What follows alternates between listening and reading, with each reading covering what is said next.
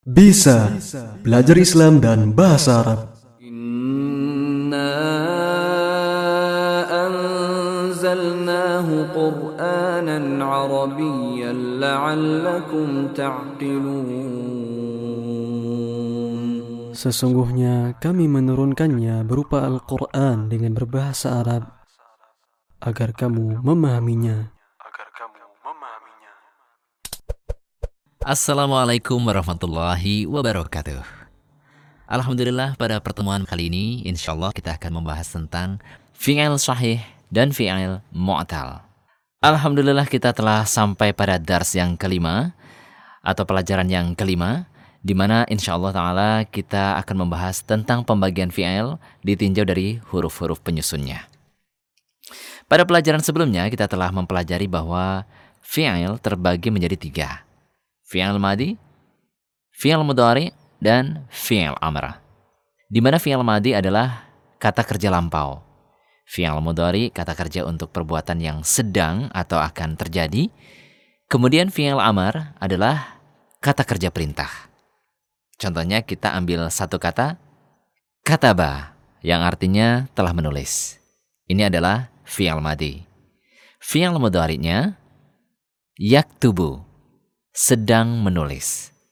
Dan fi'al amarnya uktub. Tulislah. Ini contoh-contoh jenis fi'al. Fi'al madi, fi'al mudhari, dan fi'al amar.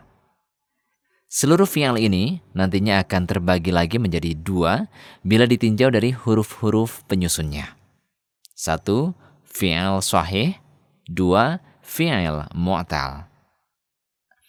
Apa itu fi'il sahih dan apa itu fi'il mu'tal?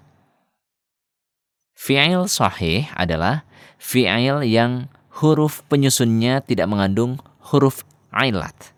Sebaliknya, fi'il mu'tal adalah fi'il yang huruf penyusunnya mengandung huruf ailat. Apa itu huruf ailat? Huruf ailat dalam definisi ilmu nahwu dan sorof ada tiga. Yang pertama alif, yang kedua wawu, dan yang ketiga adalah ya. Jadi apabila dalam huruf penyusun fi'il ada salah satu atau lebih huruf-huruf ilat ini, yakni alif, wawu, dan ya, maka fi'il tersebut merupakan fi'il mu'tal.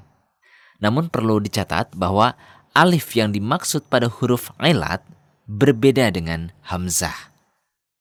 Saya ingatkan kembali bahwa alif bukanlah hamzah. Bila kita ingin bedakan secara mudah alif dengan hamzah, maka sederhananya bisa kita katakan bahwa alif yang berharokat baik fathah, domah, kasroh atau sukun itu disebut dengan hamzah. Sedangkan alif sendiri tidaklah berharokat, melainkan dia fungsinya hanya untuk huruf mat atau memanjangkan kata. Contohnya, ola. Ola yang artinya telah berkata, Ola setelah huruf kof ada alif. Ini yang disebut dengan ailat. Adapun pada contoh akala, yang artinya telah makan, maka itu bukan alif, melainkan hamzah. Sehingga kita boleh mengatakan kola sebagai fi'il mu'tal, karena ada huruf ailatnya, atau alif. Tetapi kita tidak boleh mengatakan akala sebagai fi'il mu'tal, karena itu bukan alif, melainkan hamzah.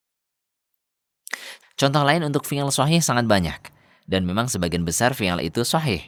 Artinya tidak mengandung huruf ailat. Di antaranya, kataba, menulis. Qara'a, membaca. Sami'a, mendengar. Hamida, memuji. Hasuna, baik. Jamula, bagus. Adapun contoh fi'il mu'tal yang pertama tadi sudah saya sebutkan. Qala, di mana mu'talnya? Setelah huruf qaf ada alif. Maka qala disebut dengan fi'il mu'tal. Fi'il mu'tal ini ada yang huruf ilatnya di depan, di tengah, dan di akhir. Contohnya, di depan, wa'ada, berjanji. Wado'a, meletakkan. Sementara di tengah, soma, berpuasa. Qama, berdiri. Di belakang, da'a, berdoa. Bana, membangun. Perhatikan bahwa semua fi'al tersebut mengandung huruf ailat. Lalu, apa manfaat kita mengetahui suatu fi'al itu sahih atau mu'tal? Manfaatnya adalah dengan mengetahui suatu fi'il sahih atau mu'tal, maka kita akan mengetahui tasrifnya atau pola perubahan kata. Kenapa? Karena tasrif fi'il sahih dengan tasrif fi'il mu'tal itu berbeda. Perhatikan ilustrasi berikut. Fi'il madi, kataba, fi'il mudari, yaktubu, fi'il amar, uktub. Fi'il madi qala, fi'il mudari, yaqulu, fi'il amar, qul. Kataba, fi'il madi, fi'il mudarinya adalah yaktubu. Lihat, kataba yaktubu. Kataba ada tiga huruf. Dan ketiga-tiganya berharokat fathah. Dan fi'il amarnya adalah uktub. Bandingkan dengan fi'il mu'tal. Maka di sini ada sedikit perbedaan. Contohnya, qala. Qala ini memang tiga huruf, tetapi lihat. Bahwa kata qala ini berharokat cuma dua, yakni qaf dan lam saja. Sedangkan alifnya tidak berharokat. Fi'il mudari'nya adalah yaqulu.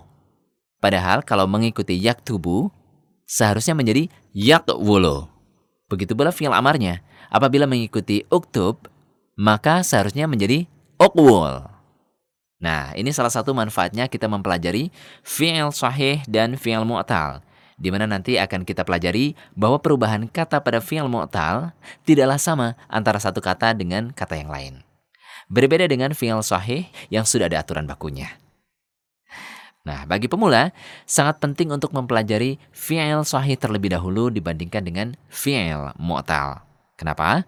Karena fi'il sahih rumusnya seragam. Sedangkan fi'il mu'tal meskipun ada rumusnya akan tetapi tidak seragam. Kesimpulan dari pelajaran kali ini bahwa fi'il ditinjau dari huruf penyusunnya terbagi menjadi fi'il sahih dan fi'il mu'tal. Fi'il sahih adalah fi'il yang huruf penyusunnya tidak mengandung huruf alif, wawu, dan ya. Sedangkan fi'il mu'tal adalah fi'il yang huruf penyusunnya mengandung huruf alif, wawu, dan ya. Demikian insya Allah cukup untuk pelajaran yang kelima. Semoga bermanfaat. Wassalamualaikum warahmatullahi wabarakatuh.